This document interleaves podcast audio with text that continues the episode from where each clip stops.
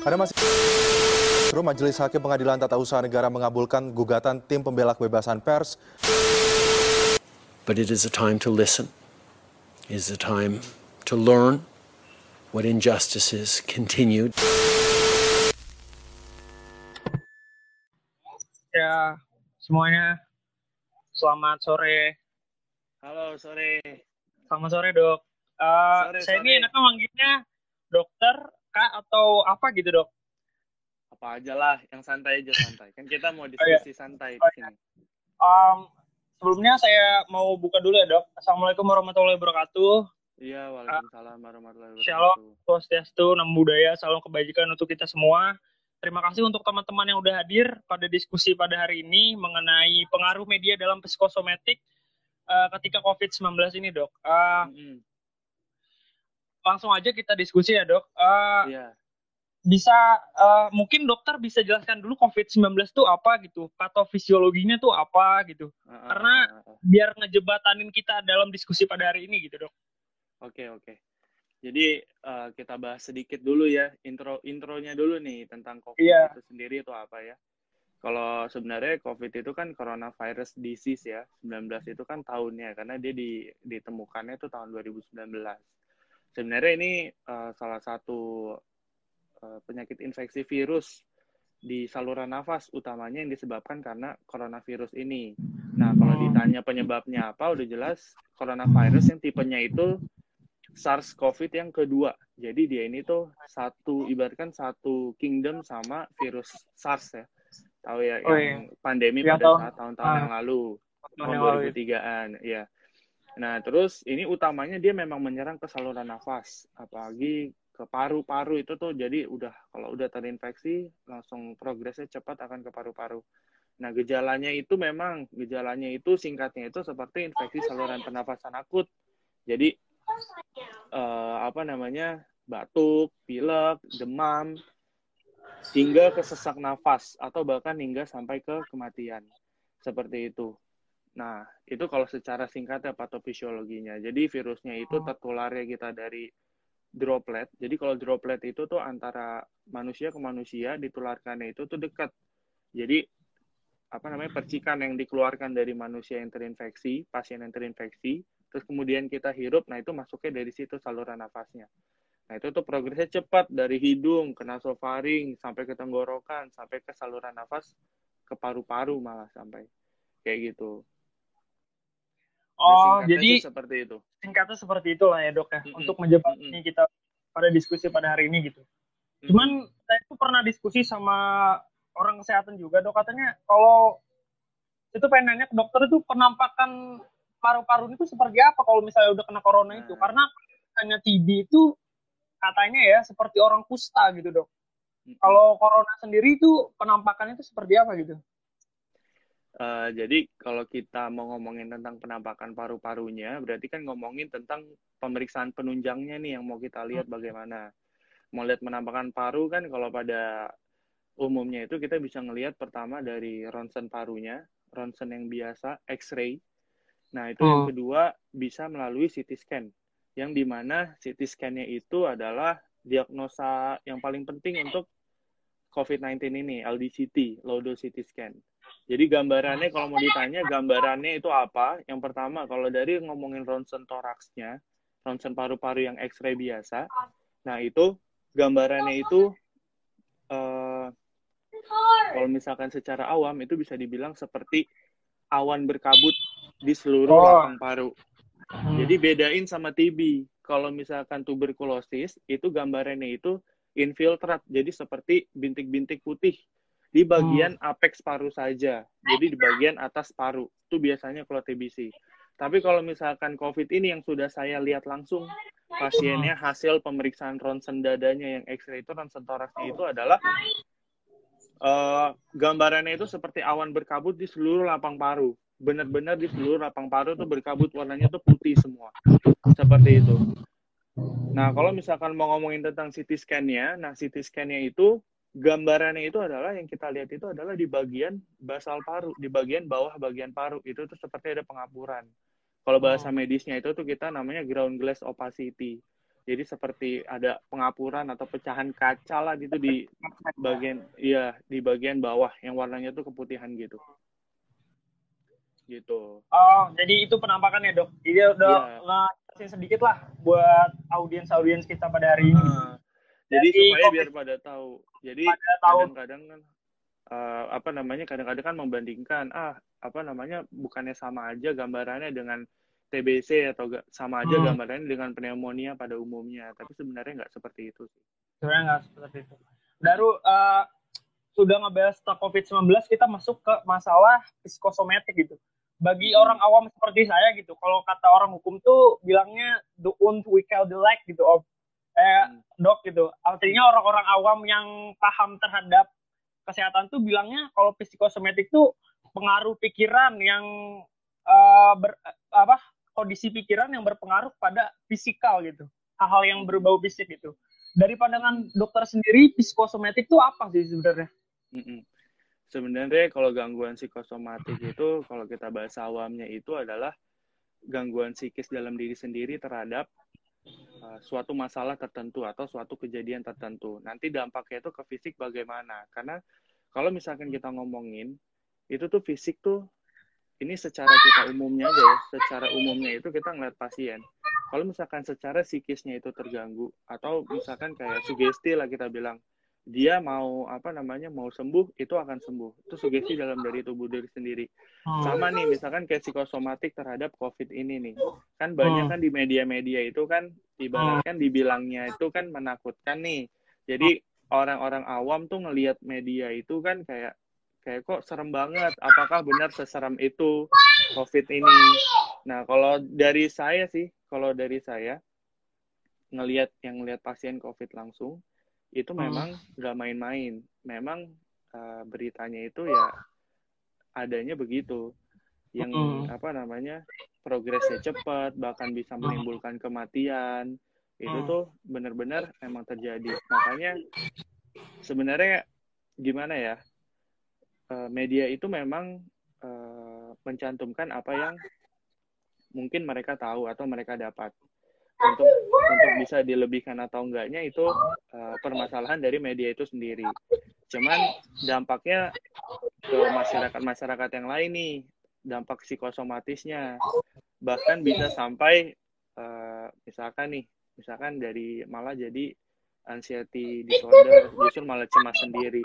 Baru batuk pilek biasa tahu-tahu udah Hmm. takutnya tuh langsung marah wah ini apa covid baru ngerasa Hmm. sesak padahal sesaknya karena apa ngerasa jantungnya berdebar. Misalkan karena ya memang karena kan lagi pada WFH sekarang jadi di rumah. Jadi pada suka makan atau ngopi apa segala macam di rumah suka pada begadang. Tahu-tahu karena memang efek begadangnya itu berdebar lah jantungnya atau malah sesak atau dia pusing palanya tahu-tahu parno malah langsung ke malah langsung ke oh, ini corona. oh ini corona nih gitu. Nah itu eh, mungkin dampak psikosomatisnya ke situ. Cuman ya cuman ya eh, alhamdulillahnya sampai sekarang sih belum ada berita kalau misalkan eh, si apa namanya dampak psikosomatisnya itu hingga sampai ke bunuh diri ya, Mati ya? saking takutnya Oh, saking takutnya ah, atau sampai ke kematian gitu sampai takutnya saking takutnya sama corona dia parno dia apa segala macem tahu malah bunuh diri itu untungnya nggak ada sih sampai situ tapi eh, saya juga pernah baca jurnal ya dok di UIN Sunan Kalijaga kalau nggak salah Eh, di daerah eh, Sunan- bukan UIN apa ya pokoknya di daerah Bandung gitu dia itu ngebahas tentang masalah psikosomatik juga gitu Mm-mm. di mana psikosomatiknya itu sebenarnya berpengaruh pada neurologi kita kan Mm-mm. bisa merusak sistem neurologi kita gitu sistem Mm. saraf kita gitu jadi pa- bahkan penyebab akhirnya itu bisa kematian gitu. Yang ingin saya tanyakan tuh sebenarnya tenaga kesehatan atau tenaga dokter itu ada nggak sih yang ternyata bukan karena corona gitu karena eh, psikosomatik gitu? Karena begitu banyak tekanan dan depresi dia menghadapi banyaknya pasien yang oh banal ya. Istilah orang media itu sebutnya banal gitu banyak banget dan nggak beraturan gitu. Eh, ada nggak sih orang yang meninggal karena psikosomatik dari pihak kesehatan dan dokter sendiri gitu Mm-mm. Kalau dari di Indonesia nih, kita ngomongin Iya. di Indonesia itu Hmm. nggak ada. Oh nggak ada. ya? dampak psikosomatik tenaga medis hingga menyebabkan kematian kan sekarang kan kasus hampir ya udah ratus udah hampir Hmm. 100 ya tenaga medis Hmm. tuh yang meninggal dari pandemi ini. Nah, itu dari kasusnya mereka semua itu 0% lah, benar-benar nol kasus yang disebabkan karena psikosomatis. Saking besarnya tekanan akibat pandemi ini, makanya mereka sampai ke kematian itu jauh banget sih. Jauh. Hmm. Nggak ada. Saya juga melihat eh, emang sih emang benar pengaruh media tuh cukup tinggi banget kepada psikosomatik orang-orang yang melihat media sendiri gitu karena udah kita Mm-mm. di rumah kerja di rumah apa di rumah jadi konsumsi media tuh bisa lebih gitu. Bahkan ada data gitu menyebutkan bahwa media-media mainstream media-media sekarang tuh lagi pada naik-naiknya nih dok. Karena Mm, konsumsi media kita kan luar biasa ya karena kerja di rumah apa di rumah gitu. Mm-mm. Eh, terus apa yang saya lihat gitu sebagai orang yang sotoy terhadap hukum gitu dalam pasal 3 pasal 3 itu pers itu ada ada ada namanya kontrol sosial dok. Jadi eh sebagaimananya baiknya media gitu seharusnya menekankan pada kepentingan umum gitu. Terhadap kebaikan yang di mana ya kalau kita lihat tuh media tuh nggak usah seperti ini gitu. Di mana kadang kita ngelihat media tuh terlalu banyak mengekspos terhadap kematian kematian kematian gitu. Padahal banyak banget gitu dok dokter menanggapi terhadap media itu seperti apa sih seharusnya media itu berlaku seperti apa sih agar nggak ada pengaruh psikosomatik pada kita yang mengonsumsi gitu dok Hmm. Ini menarik sih, menarik nih pembahasannya. Sekarang, sekarang eh, logikanya kayak gini deh. Dengan media Hmm. yang sekarang nih, yang tadi apa namanya eh, Mas Deki bilang, kenapa media Putus-putus, memunculkan tuh kesannya tuh yang kematian, ya kema apa kesannya tuh yang eh, kematian terus yang diekspos, pokoknya kesannya itu eh, buruk lah. Kesannya tuh uh, parah Hmm. banget lah.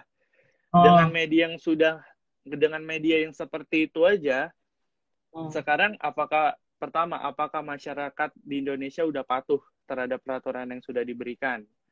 Sedangkan dengan media yang seserem itu aja yang udah benar adanya gitu menurutku ya itu aja orang-orang masih banyak berkeliaran di luar masih benar-benar ngumpul semaunya masih benar-benar ya tau lah apalagi di Jakarta apalagi lagi bulan puasa gini mau beli buka puasa aja itu rame banget masih ngumpul. Ah. even itu mereka pakai masker apa kita tahu itu maskernya itu uh, bisa menutupi itu semua atau enggak? Apakah dengan ngumpulnya mereka seperti itu bakal bisa Oh. memutus rantai uh, penularan atau enggak rantai penularan atau enggak nah sebenarnya kita uh, ambil sisi positif dan negatifnya aja. Mungkin orang-orang seperti kita yang udah di rumah, yang setiap harinya baca media, itu tuh mungkin akan yang ngelihatnya tuh pasti akan stres.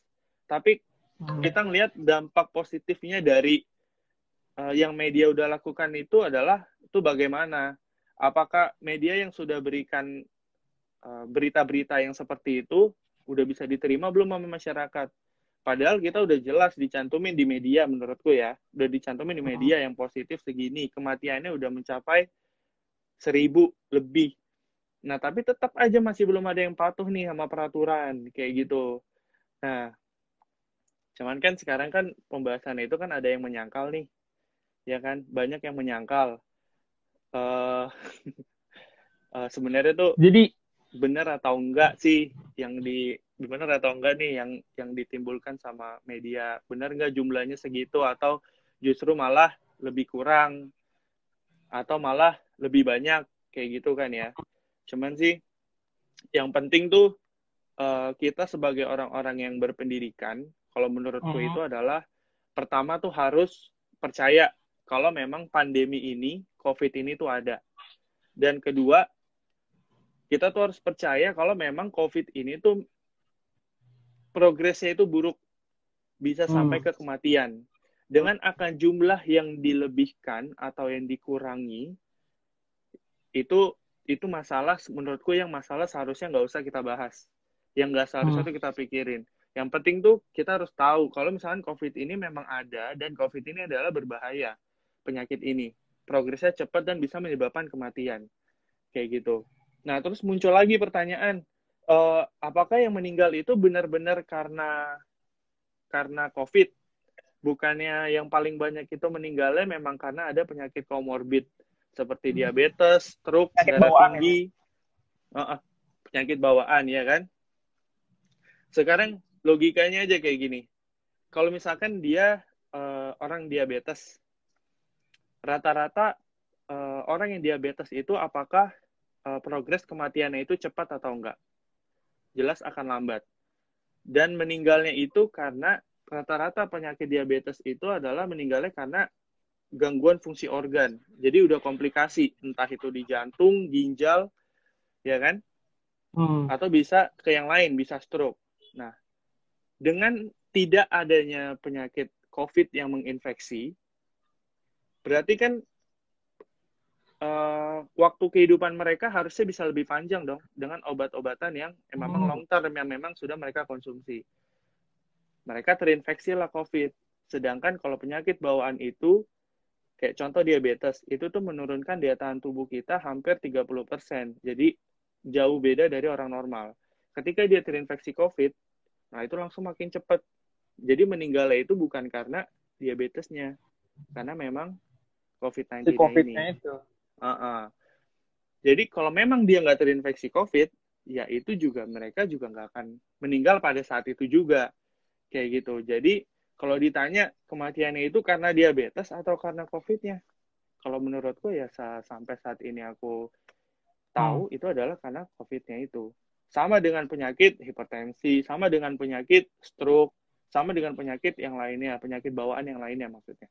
Kayak gitu. Jadi kalau kita simpulin COVID tuh ya berbahaya gitu kan. Berbahaya. COVID-19 itu nggak cuman karena penyakit bawaan, tapi dia tuh ya malah memperparah penyakit bawaan tersebut gitu. Betul, betul, betul. Terus kalau kita lihat dari berita juga dok, kadang saya juga kadang bingung gitu sama kebijakan atau legal policy-nya pemerintah gitu. Mm-mm. Karena nih pemerintah ini agak apa ya kalau disebut orang-orang basket tuh istilahnya airball gitu dok. Miss, Itu tuh ya. miss gitu. Karena karena yang satu berpendapat demikian, yang satu berpendapat demikian gitu. Apalagi yang pas kemarin banget itu ada wacana bahwa orang yang umur 45 tahun ke bawah boleh melakukan aktivitas gitu. Padahal kan imunitas itu nggak tergantung umur gitu dok. Jadi airball airball yang dilakukan pemerintah tuh agak apa ya agak lucu gitu bagi kita orang-orang yang ngeliat di media itu jadi kayak yang dibilang ini nih itu pendapat dokter gitu sebenarnya emang bener dok kalau misalnya 45 ke, ke bawah itu jadi umur-umur 45 44 dan ke bawahnya itu tingkat imunitasnya tuh kebal gitu terhadap COVID-19 gitu tanggapan Ya. dokter terhadap pendapat pemerintah itu sebenarnya apa dok?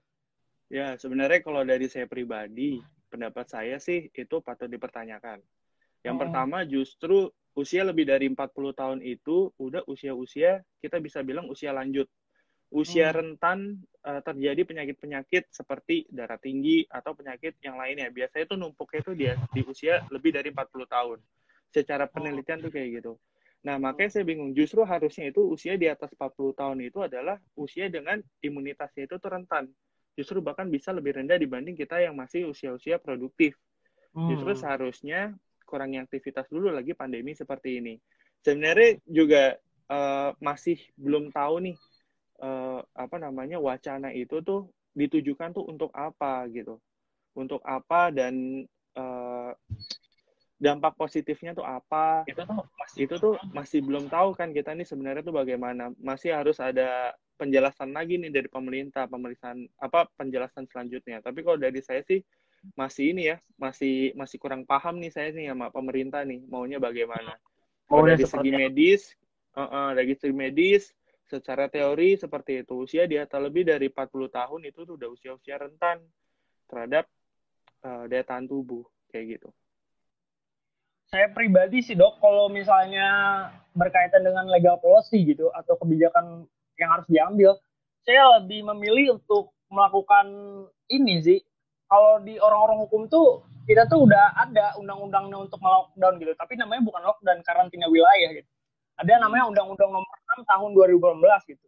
Tapi pemerintah ini pada saat ini malah mengeluarkan produk hukum baru, yaitu peraturan pemerintah nomor 21 tahun 2020 yang Hmm. notabene dalam pasal tersebut, pas, dalam pasalnya saya nggak tahu spesifiknya, tapi yang dijelaskan itu lebih kepada kesehatan, masalah pendidikan dan peribadatan gitu, ibadah gitu. Padahal dalam pas eh, dalam undang-undang nomor 6 tahun 2018 di situ telah dicantumkan masalah pangan, Dok. Jadi menurut saya tuh eh pemerintah tuh harusnya melakukan PSBB itu ya dengan dengan distribusi pangan juga karena pangan itu berpengaruh sekali dalam imunitas mungkin. Menurut saya sih gitu sih. Seharusnya lebih baik melakukan karantina wilayah daripada PSBB gitu. Mungkin jangka waktunya pun nggak akan selama ini. Kita tuh kayak ngeliat tuh abstrak banget gitu. Ini tuh sampai kapan gitu. Kita nggak tahu pastinya kapan gitu. Kalau PSBB, kalau misalnya karantina wilayah, kemungkinan sebulan juga bisa dilakukan kalau kalau pemerintah benar-benar mau buy out perusahaan-perusahaan gitu dok. Tanggapannya menurut dokter itu gimana tuh? Dokter sendiri lebih setuju karantina wilayah atau lockdown ya orang-orang lain gitu bilangnya atau ya ngelakuin atau ada inisiatif sendiri gitu dari orang-orang kesehatan tentang hal ini gitu. Mm-mm. Kalau dari saya nih, pendapat pribadi ya, pendapat pribadi saya dari awal seharusnya dari sebelum, uh, misal kita harus sebelum semua ini berlanjut sampai seperti ini, menurut saya dari awal dari awal seharusnya tuh pertama kita nggak menyepelekan Hmm. dan kalau boleh pendapat dari awal seharusnya kita sudah lockdown seperti Oh. itu kita kalau misalkan mau ngomong mau membicarakan tentang uh, negara mana saja yang sudah survive terhadap pandemi Hmm. ini Hmm. salah satu contohnya itu kan ada Taiwan Vietnam sama India kan apa yang Oh. mereka lakukan yang mereka lakukan itu adalah dari ketika ada awalnya infeksi ini sebelum di sebelum dicanangkan adanya suatu pandemi itu mereka langsung lockdown Hmm. dan tapi dari pemerintahnya bagaimana? Contoh pemerintah Taiwan langsung lockdown total, tapi dari pemerintahnya itu sudah memberikan ya kita bisa bilang lah bisa memberikan uh, asupan dana, memberikan asupan pangan dan yang lainnya. Dan bahkan setiap harinya itu pemerintah tuh nelpon ke rumah masing-masing supaya memastikan kalau mereka itu benar ada di rumah atau enggak keadaannya bagaimana, ada yang stres atau enggak. Itu yang dilakukan negara-negara underrated ya, seperti Hmm. Taiwan, Vietnam, dan India itu. Yang sekarang mereka udah survive melawan pandemi ini. Nah, kalau Hmm. menurut saya sih ya, sekarang kalau boleh pendapat itu, kita tuh alot. Kita tuh Hmm. mau ngebiarin ini tuh berlarut-larut gitu. Sampai akhirnya sampai sebanyak ini. Penanganan, ibaratnya nih, kalau di instalasi gawat darurat nih, penanganan gawat, gawat darurat itu lama gitulah bisa dibilang seperti itu. Kalau dari saya sih seperti itu pendapatnya. Hmm. Jadi terkesan pemerintah tuh melonggarkan gitu. Dari awal adanya pandemi dan rame-rame di Wuhan gitu, mereka tuh menganggap kayak ya udahlah gitu Indonesia nggak bakal kena gitu. Kayak di Indonesia kebal Iya. terhadap itu banyak bim-bim mengenai hal itu Iya gitu kan? yang Justru kita kan ngelihat meme yang banjir gitu kan, atau malah dibuat orang kita malah main banjir gimana mau kena corona gitu kan. eh, jadi kayak kan dibuat dibuat, dibuat lelucon dan Mm-mm, sampai akhirnya seperti ini. Menurutku itu sih kita lambat. Tapi kalau dari saya sendiri sih dok, saya mengkomparasikan dengan negara-negara lain gitu. Saya tuh pernah baca tentang negara Kuba gitu. Negara Kuba itu menerapkan suatu jaminan kesehatannya itu dengan mengirimkan dokter-dokter mudanya dan praktisi kesehatan ke tiap-tiap rumah. Jadi rumah tuh dicarter eh, siapa nih yang punya gejala dan sebagainya gitu. Jadi orang tetap di rumah, jadi dokternya yang nyamperin rumahnya gitu. Nah itu saya sih langkah yang baik ya dok, karena daripada kita nungguin orang-orang untuk ngelakuin rapid test, lebih baik kita sendiri yang nyamperin orang-orang tersebut untuk rapid test gitu. Hmm, mm, mm. Uh, jadi kata saya tuh perlu diterapkan kalau misalnya kemungkinan nih dok, kemungkinan kemungkinan untuk bisa seperti Kuba tuh bisa nggak sih dok? Dilihat Sebenarnya- dari tenaga kesehatan kita seperti apa, dokter seperti apa gitu. Menurutku eh, kita sanggup sih. Karena kan Hmm. kita di Indonesia itu ada yang namanya puskesmas ya. Nah, puskesmas Hmm. itu kan ada yang mencakup kecamatan, ya, Hmm. kelurahan atau kabupaten, Hmm. ya. Justru itu dari tenaga tenaga tenaga tenaga kesehatan di puskesmas itu tuh bisa menyebar.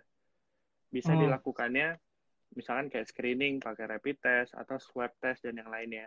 Cuman dengar berita kan kita turun rapid testnya juga nggak langsung uh, Hmm. banyak distribusinya keluar alat untuk swabnya juga nggak langsung banyak distribusinya jadi kendalanya tuh menurutku di situ.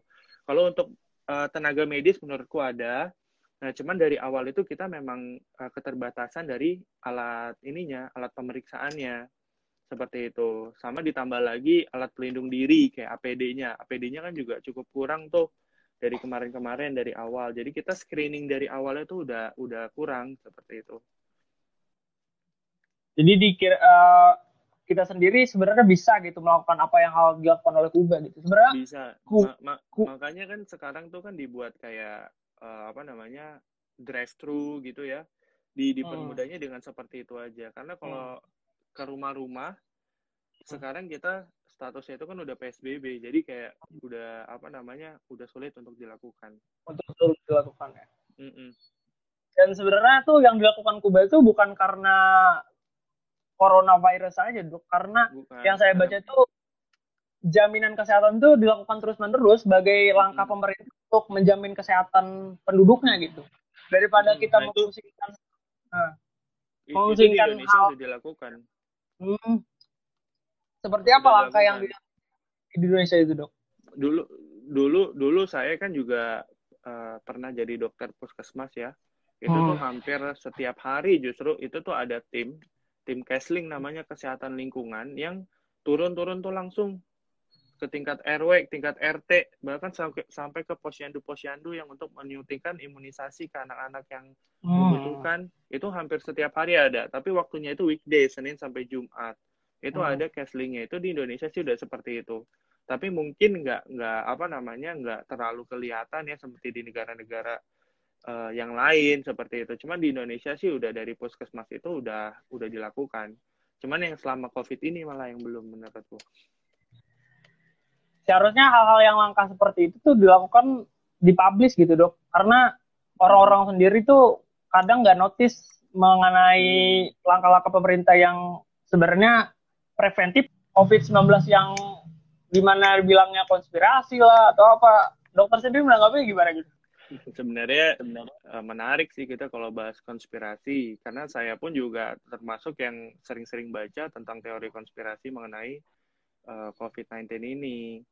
Nah, cuman eh, apa namanya perlu ditekankan lagi ya kalau saya lihat sih dibahas tuh kayak yang oke lah untuk cukup tahu aja kalau menurutku. Untuk kita tuh Hmm. wah ini apa bener ya kayak gini gitu.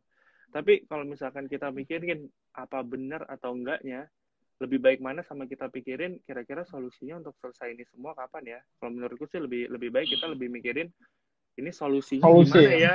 Solusi pemerintah kan karena saat ini kan kita tuh eh, kita tuh percaya sama pemerintah. Kita tuh saat ini Hmm. tuh eh, percaya nggak percaya lah sama pemerintah tuh kita harus percaya, ya kan?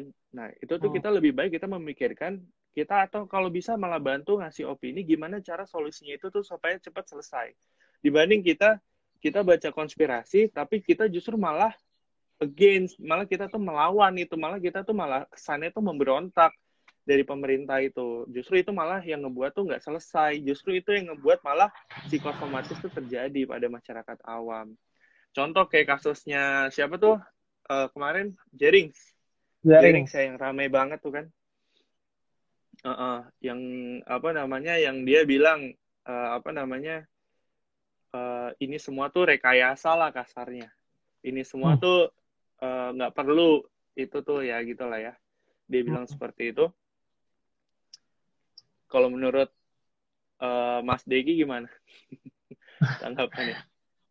Kalau menurut saya sendiri sih apa yang ya orang sendiri sih terserah aja sih mereka mau berpendapat kayak gimana gitu tapi hal yang harus ditekankan tuh kan di mana pun kita baca tentang teori konspirasi COVID-19 itu emang ada meskipun dibilangnya itu created by human being atau Iya. emang karena alam gitu emang COVID-19 tuh emang Ada. emang ada nggak nggak Nah. nggak nggak dibuat-buat oleh media dan I- dipublikasi oleh pemerintah gitu kayak gitu enggak sebenarnya ada COVID-19 gitu. Cuman cuman yang jadi permasalahan sekarang itu orang tuh salah tangkap terhadap teori konspirasi itu. Mereka Iya. menyangkanya bahwa konspirasi itu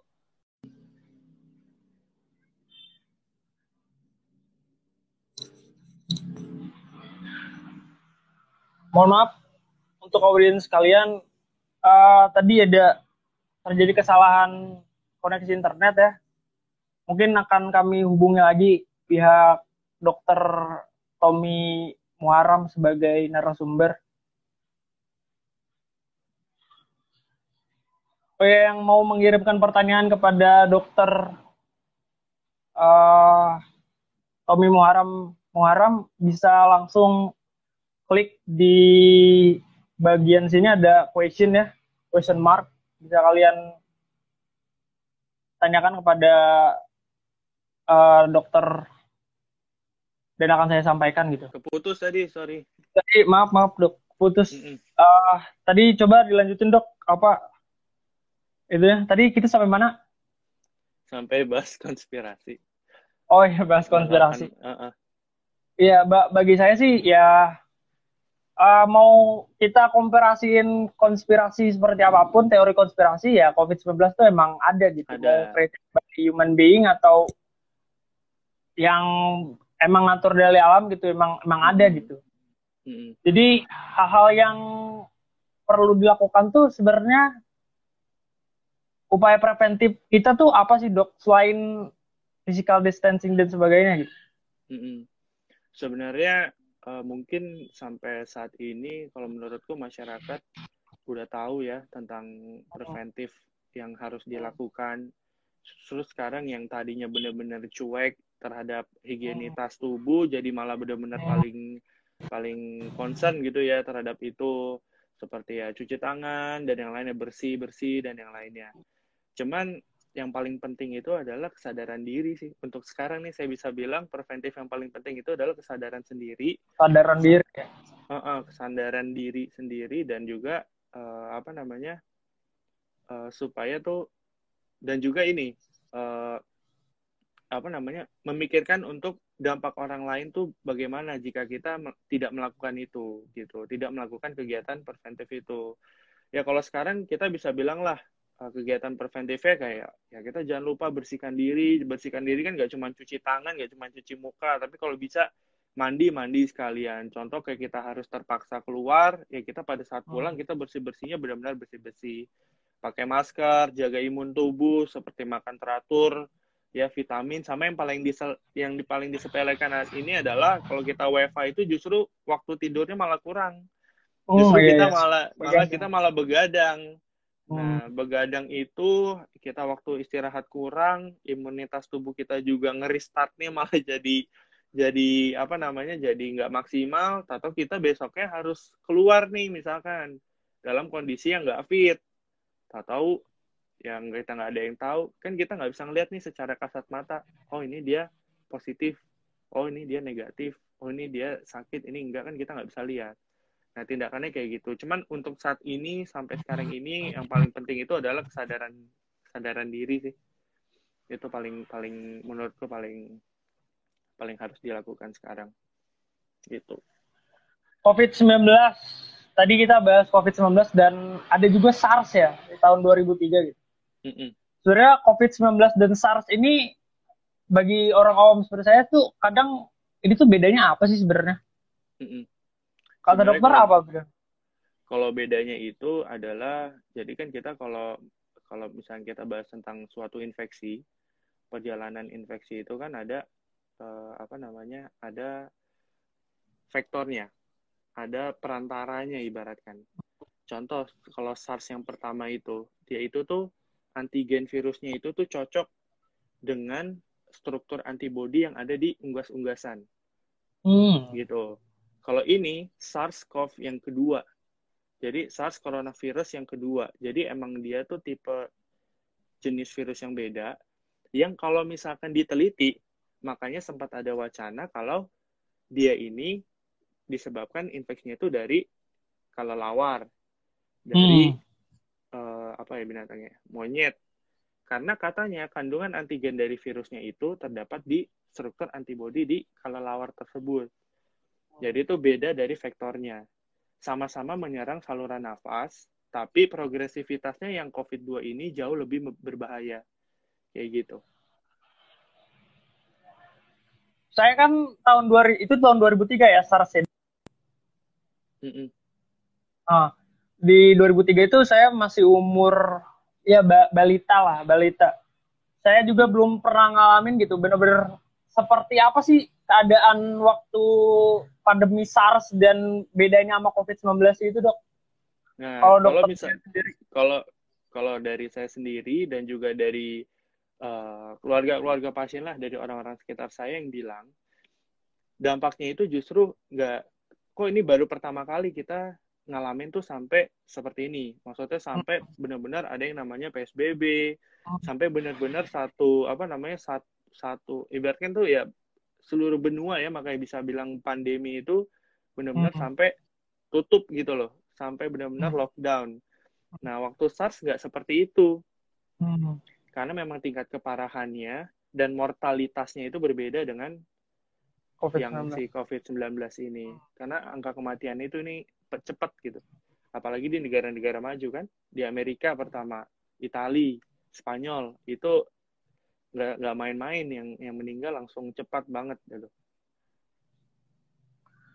Gitu. Ah, sebenarnya kalau dari segi menurut saya sih dok, dari segi penanganan ya, apa yang diupayakan pemerintah pada hari ini tuh ya emang terkesan lamban. Tapi kalau dibandingkan sama negara maju kayak Amerika Serikat, itu menurut saya kita bisa dibilang selangkah lebih jauh daripada selangkah lebih jauh gitu. Karena kesadaran masyarakat terhadap virus ini tinggi gitu. Sedangkan di Amerika sendiri kita lihat dari pernyataan Donald Trump terkait hal tersebut, dia lebih memilih untuk menyalahkan negara China terhadap COVID-19 ini dan krisis-krisisnya juga gitu. Jadi kalau menurut saya sih apa yang dilakukan pemerintah terhadap upaya preventif dan sebagainya sudah berjalan maksimal. Mungkin ada celah dan beberapa hal yang perlu diperbaiki, tapi ya overall pemerintah ya dengan dokter sendiri sebagai tenaga kesehatan udah good job banget gitu dok Mm-mm. dalam menangani hal tersebut gitu. Iya, Eh, dengan dengan apa namanya dengan yang sekarang ini emang udah maksimal banget dari pemerintah, dari apa dinas kesehatan terkait daerah itu benar-benar udah maksimal dengan apalagi sekarang juga udah disediakan ya alat pelindung diri itu benar-benar dari pemerintah langsung itu benar-benar eh, saya sebagai tenaga medis tuh eh, apresiasi sekali itu karena dari pas awalnya kita merasa sulit sampai sekarang tuh udah dimudahkan semua sekarang udah terproteksi dengan baik. Makanya emang kalau mau dibandingkan sama negara maju, justru kenapa kok kalau kalau bisa ditanya kok negara maju justru lebih banyak nih angka kematiannya karena itu yang tadi saya bilang kesadaran diri. Mereka Hmm. ngerasa kalau sistem kesehatan mereka sudah sangat baik, jadi ngerasa oh dengan mudahnya tuh bisa hilang. Nah, tetaplah mereka cuek. Nah, makanya dengan apa namanya dengan seperti itulah mereka paling tinggi kan angka tuh tiga pertama tuh malah negara Eropa, Amerika dan yang lainnya. Gitu. Ya, ya, saya setuju sih emang saya setuju banget nih untuk eh, apa namanya pemerintah tuh udah apa udah sangat baik nih, udah maksimal banget nih dengan apa ketersediaan yang ada dengan eh, sumber daya yang ada itu tuh untuk melindungi kita semua di sini kayak gitu. Dokter sendiri pernah menangani langsung mengenai COVID-19 sendiri nggak? Kayak jadi relawan atau apa gitu? Kalau jadi relawannya sih enggak, tapi aku sendiri eh, apa namanya pernah ya bukan pernah emang Oh hampir emang oh, setiap iya. hari kontak langsung dengan pasien itu. Ada orang-orang sebenarnya keadaan di rumah sakit sendiri seperti apa sih? Apa sebe- semenegangkan itu ah? Karena Hmm. kita kadang ngelihatnya gitu kayak, aduh kalau udah masuk rumah sakit tuh kayak udah ini gitu, udah Mm-mm. udah sangat Saya- menegangkan sekali. Eh, eh. saya saya Bisa diceritakan sempat- sedikit gitu dok. saya kemarin sempat juga ada kan apa live juga seperti ini. Nah, apa namanya? eh, saya tuh kasih tahu kalau memang benar-benar gejalanya itu nggak benar-benar parah, itu nggak perlu ke rumah sakit kayak gitu. Nah, kenapa? Karena takutnya kita yang sehat nih, contoh kita nganterin eh, keluarga, kita nganterin keluarga yang terinfeksi mungkin ya. Kita yang tadinya sehat yang tidak tidak terinfeksi justru kita ke rumah sakit itu bisa terinfeksi karena jujur sekarang tuh keadaan rumah sakit itu bukannya menyeramkan kayak kalau masuk rumah sakit itu kita pasti terinfeksi enggak tapi itu rentan dan tidak steril menurutku. Karena kan rumah sakit itu kan bisa dibilang kalau di wilayah itu kita bisa bilang eh, apa red zone ya. Kita bisa bilang seperti itu. Jadi makanya saya bilang kalau misalkan gejala-gejala ringan yang masih bisa ditanyakan melalui sosial media apalagi sekarang ada aplikasi-aplikasi yang bisa chat langsung dengan dokter atau punya teman atau rekanan yang dokter lebih baik seperti itu dulu aja. Dibanding nantinya akan eh, ada berdampak lebih buruk kayak gitu. Kecuali memang udah nggak bisa ditahan kita udah demamnya udah sampai menggigil banget udah pusing banget udah mual muntah dan yang lainnya itu baru kita bisa ke rumah sakit. Itu pun harusnya pakai masker harus yang benar-benar eh, terproteksi gitu. Gitu sih. Ngeliat. Jadi nggak semenegangkan itulah ya kalau di rumah sakit itu. iya. Karena ya ya kita lihat kayak kalau udah masuk rumah sakit tuh udah aduh saya nggak ada harapan untuk hidup gitu. oh enggak enggak, gitu. enggak enggak enggak enggak seperti itu kok enggak Hmm. seperti itu eh kalau kita lihat lagi gitu COVID-19 dan SARS itu eh sebegitu berbahayanya gitu. Tapi kalau kita berkaca sama apa yang dilakukan pemerintah melalui PSBB gitu, terkadang saya sendiri kurang setuju apa yang dilakukan pemerintah kayak rapat-rapat tertentu gitu dok. Kalau kita bahas ke hal-hal yang lain gitu, kayak kita disuruh PSBB tapi kadang pemerintahnya malah rapat mengenai rancangan undang-undang yang lain gitu. Itu dokter sendiri miris gak sih ngeliat kayak gitu gitu? eh, mungkin itu kan suatu hal yang ini ya, mungkin itu suatu hal yang sangat penting. Makanya mereka harus kumpul dan harus rapat. Sama halnya kayak kita, eh, kalau kita yang orang biasa di rumah, yang PSBB, kan ada kegiatan urgent juga. Contoh, misalkan kita mau beli makanan pangan dan yang lainnya. Contoh, kita ada urusan lebih urgent lagi, apa? Urusan dari kantor kah? Urusan dari apa yang kita harus keluar rumah mungkin hanya sesekali aja kali dari pemerintah itu untuk melakukan rapat-rapat seperti itu. Yang mereka pun juga seharusnya tuh nggak mau, sebenarnya tuh nggak mau melakukan itu semua. Contoh kan kayak masih ada kegiatan serah terima jabatan dan yang lainnya. Itu kan nggak mungkin dilakukan secara online kan. Jadi ya mungkin secara secara terpaksa para pemerintah juga harus melakukan itu dengan pakai masker ya. Kalau yang aku lihat sih di media-media kayak gitu ya, tetap ada tetap ada serah terima jabatan di kepolisian dan yang lainnya itu kan juga tapi tetap mereka menggunakan uh, masker kalau yang aku lihat sih. Dari kerumunan gitu berarti kadang PSBB juga bisa di cross untuk hal-hal yang urgensi gitu ya dok ya? Iya. Kalau yang aku lihat sih di Indonesia seperti itu. Cuman yang jadi polemik di masyarakat ini masalah ini dok penutupan MCD Sarina itu loh. Nah, itu Itu juga itu itu aneh juga ya. Itu benar-benar benar-benar ratusan orang tuh kumpul di depan McD Sarina itu ya. Yang seharusnya tuh benar-benar ditindak tegas tuh kalau seperti itu kan bukan kegiatan urgensi, justru untuk Ah. kegiatan konten semata. Itu pun aku Hmm. juga nggak setuju banget tuh sama kegiatan itu. Karena kita ngelihat sendiri kan kayak kok PSBB itu kayak nggak ada wibawanya gitu. Iya, kayak nggak kayak nggak ada uh, ketegasannya ya. Gitu. Ngelihat kita di di daerah-daerah kayak desa gitu, kita ngelihatnya ketat banget dengan PSBB yang sekarang gitu. Tapi kalau di daerah kota malah dilonggarkan mengenai ma- Iya. itu yang miris sih makanya itu dia kan menurut makanya yang tadi saya bilang kesadaran diri kesadaran diri itu penting. Nah itulah yang seratusan orang itu yang nggak nggak nggak ada sadarnya itu untuk malah ngelihat ke situ. Terus dari dokter sendiri eh, ada wejangan khusus gak untuk kita biar biar kita tuh tetap work from home dan ya udahlah gitu diwaspada banget terhadap PSB eh, terhadap COVID-19 ini gitu. Mm-mm. Wejangan-wejangan Kalau uh, wejangan dari saya yang pertama uh, terima atau nggak terima, setuju atau nggak setuju keputusan pemerintah saat ini kita tetap harus patuhi karena uh, apa namanya uh, kita ini supaya jadi masyarakat yang baik. Yang kedua adalah tetap itu kesadaran diri ya benar-benar kita tuh kesadaran diri kita itu untuk diri sendiri dulu dan baru untuk orang-orang sekitar terutama keluarga di rumah.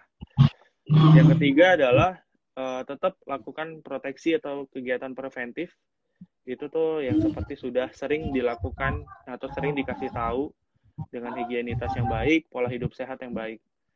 Seperti itu. Terus eh, untuk saat ini untuk kalangan semua masyarakat menurutku adalah eh, baca atau telaah eh, info-info yang valid dan juga yang tidak menggiring ke arah-arah yang negatif. Karena sesuai dengan yang kita bahas kan psikotom apa namanya pengaruh media terhadap psikosomatis. Karena ini orang-orang yang eh, WFH, orang-orang yang benar-benar udah berbulan-bulan di rumah itu pasti ada gangguan eh, psikosomatisnya, entah itu ringan atau bahkan ke berat. Nah, itu harus lebih baik dalam mentelaah si berita-berita tersebut. Kayak gitu. Terus eh, banyakin ke- banyakin kegiatan-kegiatan positif lah di di yang apa yang yang selama ini tuh kita nggak bisa lakukan jika kita tuh sedang bekerja kan sekarang kan lebih banyak kegiatan di rumah tuh lakuinlah kegiatan-kegiatan yang positif di situ itu juga ngebantu psikosomatis kita tuh agar lebih baik gitu sih dari saya cukup itu aja wejangannya Hmm. Mungkin kita cukupkan aja ya dok pembahasan pada hari ini gitu mengenai eh, pengaruh media dalam psikosomatis ketika COVID-19 ini gitu. Mm. Cukup terjamah sekali pembahasan-pembahasan yang tadinya saya sedikit awam agak ngerti gitu mengenai COVID-19, mengenai psikosomatis, mengenai keadaan sendiri dokter dan sebagainya gitu. Mm. Itu sangat luar biasa gitu dok. Terima kasih udah memberikan eh, banyak sekali ilmu gitu dok. Iya sama-sama semoga bermanfaat eh, Iya. dan eh, apa namanya mohon maaf kayak menurut saya masih sedikit sih yang perlu saya bahas yang saya bahas dari tadi Hmm. Terima kasih dok. Terima kasih. Wassalamualaikum warahmatullahi wabarakatuh. Waalaikumsalam warahmatullahi wabarakatuh